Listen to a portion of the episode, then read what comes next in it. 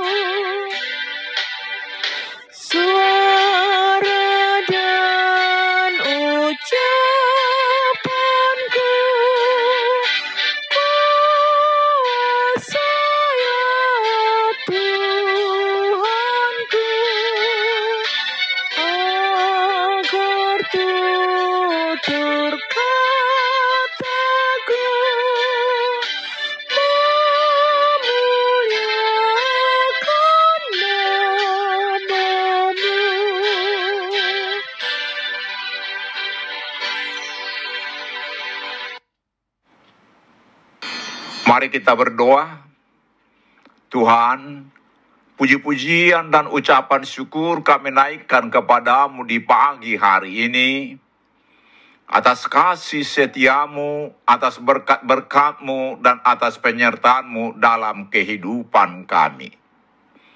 Kami hendak mendengarkan dan merenungkan firmanmu Ungkapkan kepada kami kebenaran firman-Mu dan tolong kami Tuhan melakukan firman-Mu dalam kehidupan kami. Dalam nama Tuhan Yesus kami berdoa. Amin. Saudara-saudara yang dikasihi Tuhan Yesus, firman Tuhan untuk kita renungkan di pagi hari ini terambil dari Kolose 3 ayat 9 dengan tema menjadi manusia baru dalam Kristus demikian firman Tuhan.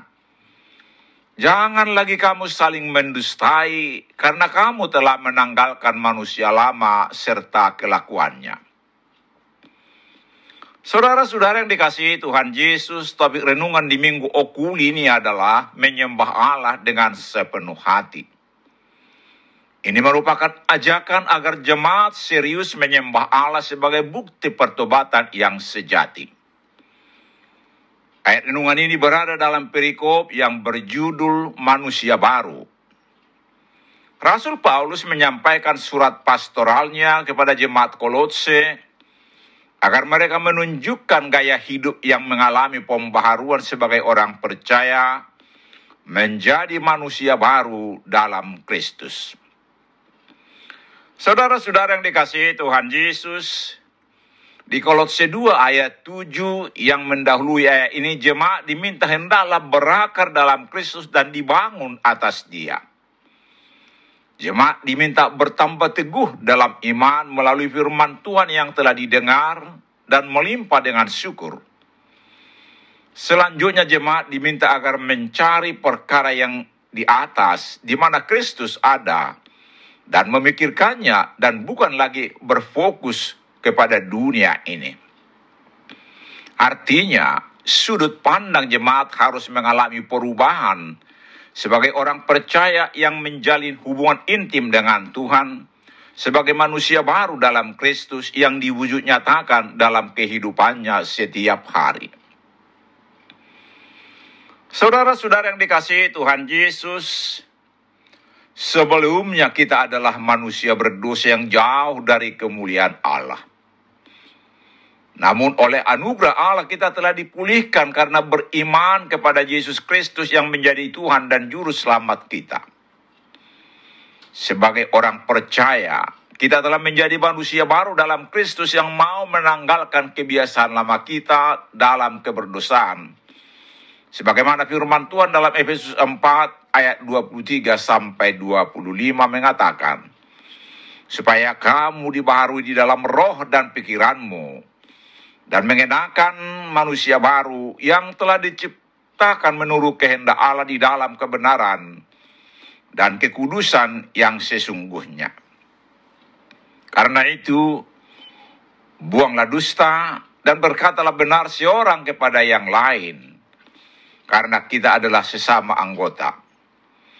Kita mau menyembah Allah dengan sepenuh hati dan bersyukur atas anugerahnya kita tidak lagi saling mendustai, tetapi saling menolong dan saling menopang dalam kasih Kristus Yesus Tuhan kita.